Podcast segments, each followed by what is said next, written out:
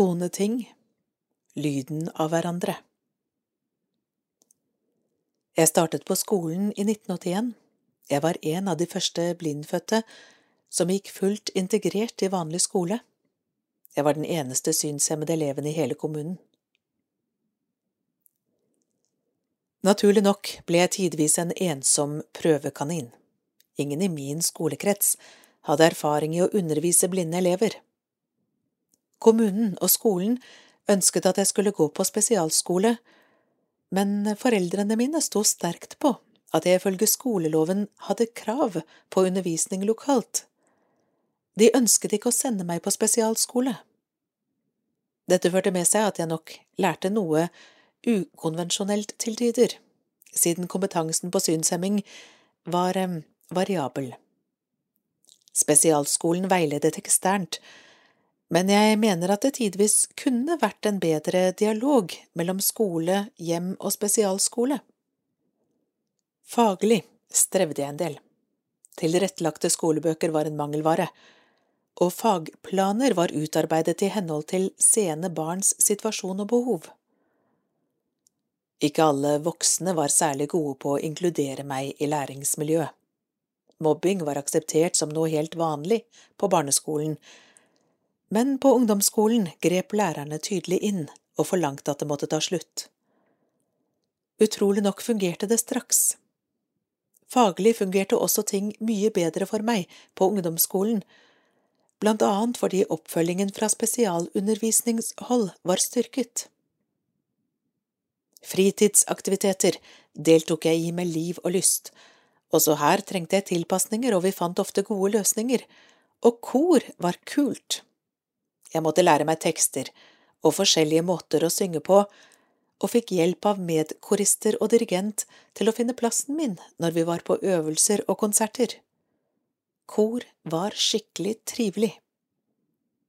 Jeg deltok også i andre ting som ga mye glede og positive opplevelser, som for eksempel ungdomsklubb, ridning og bokklubb.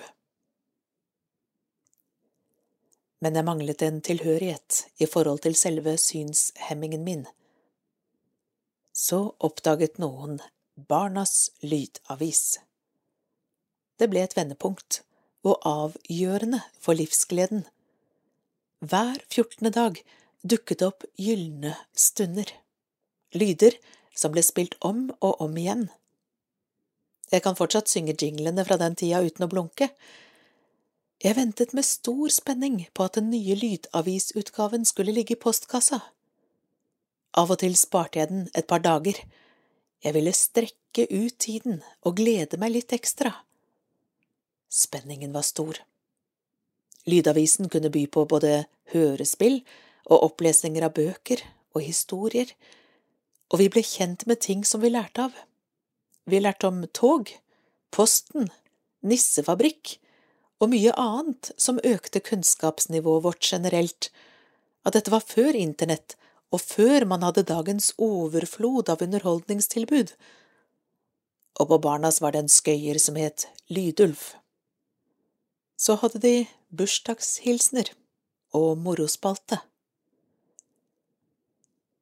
Det geniale med Barnas var at vi også kunne sende inn brev. Av og til ringte de ut til synshemmede barn, og vi fikk glimt fra liv som lignet vårt eget. Unger som brukte hvit stokk, som meg. Unger som snakket om å måtte lese punktskrift og eller stor skrift. Jeg fikk forståelsen av at blinde og svaksynte barn drev med andre hobbyer enn meg og mestret. I barneprogrammer ellers på radio og TV lignet historiene på mine sene venners liv, men i Barnas dukket unger som meg opp. Ja, innimellom var det til og med både hørespill og bøker med blinde i hovedrollene. Jeg satte også enormt pris på de gangene jeg hadde mulighet til kontakt med andre blinde og svaksynte barn. Jeg husker varme, gode opplevelser på Mysen i 1984, da vi hos KAB feiret tiårsjubileet for Barnas Lydavis. Scenekvelder, lek med lydproduksjon i studio, felles måltider, pysjparade og sang og lesestunder. Jeg møtte noen flotte voksne og barn som jeg kunne knytte meg til og gjenkjenne meg i. Takk til dere som ga dere selv, så raust og befriende fritt for krav. Sommeren etter dro vi på barneleir på Rødtangen camping på Hurum. Vi bodde i hytter, var på tivoli og hadde seine kvelder med fnising og latter. Lesestunder, samtaler og mye erfaringsutveksling. Regnet det i det hele tatt? Det tror jeg ikke. Igjen fikk jeg knyttet kontakter. Noen varer en dag i dag, og møtte vi nye folk på leir, var det lett å bli kjent. Vi hadde noe felles. Barnas. Så blar jeg fram til 2020. I koronatiden ble KAB en viktig ressurs. Jeg kunne delta på kurs, foredrag og samtaler digitalt. Jeg kunne møte andre som hadde samme type utfordringer som meg, eller hadde mange like erfaringer. Jeg kunne dele uten å føle meg annerledes eller å måtte prestere. Det ble igjen veldig viktig. Og her er vi inne på noe som er vesentlig for meg. Jeg har et stort nettverk, både av synshemmede og seende, jeg setter inderlig stor pris på alle, uansett synsgrad.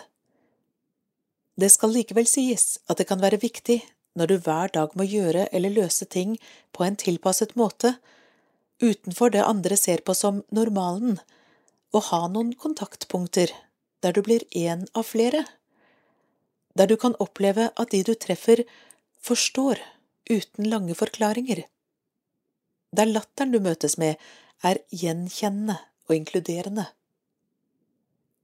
Jeg tenker at KAB for meg var med på, og er med på, å gi meg det litt mindre, men viktige samlingspunktene. Å bygge broer, verdier, å ha et sted der du kan strekke ut en hånd og kjenne at noen tar imot den. Jeg husker den lille barnehånda på leir som fikk et fast grep til svar da det gjorde vondt å lengte hjem. Jeg husker stemmene som skapte pauser og felles trygghet via lydavisene. Jeg husker de voksne som utfordret meg som tenåring til å våge å være meg selv. Og i dag, dere som stiller opp for å gi gode rom for å uttrykke seg, enten det er som meg nå, via tekst, eller via andre kanaler. Vi trenger hverandres støtte. Vi trenger lydene av hverandre.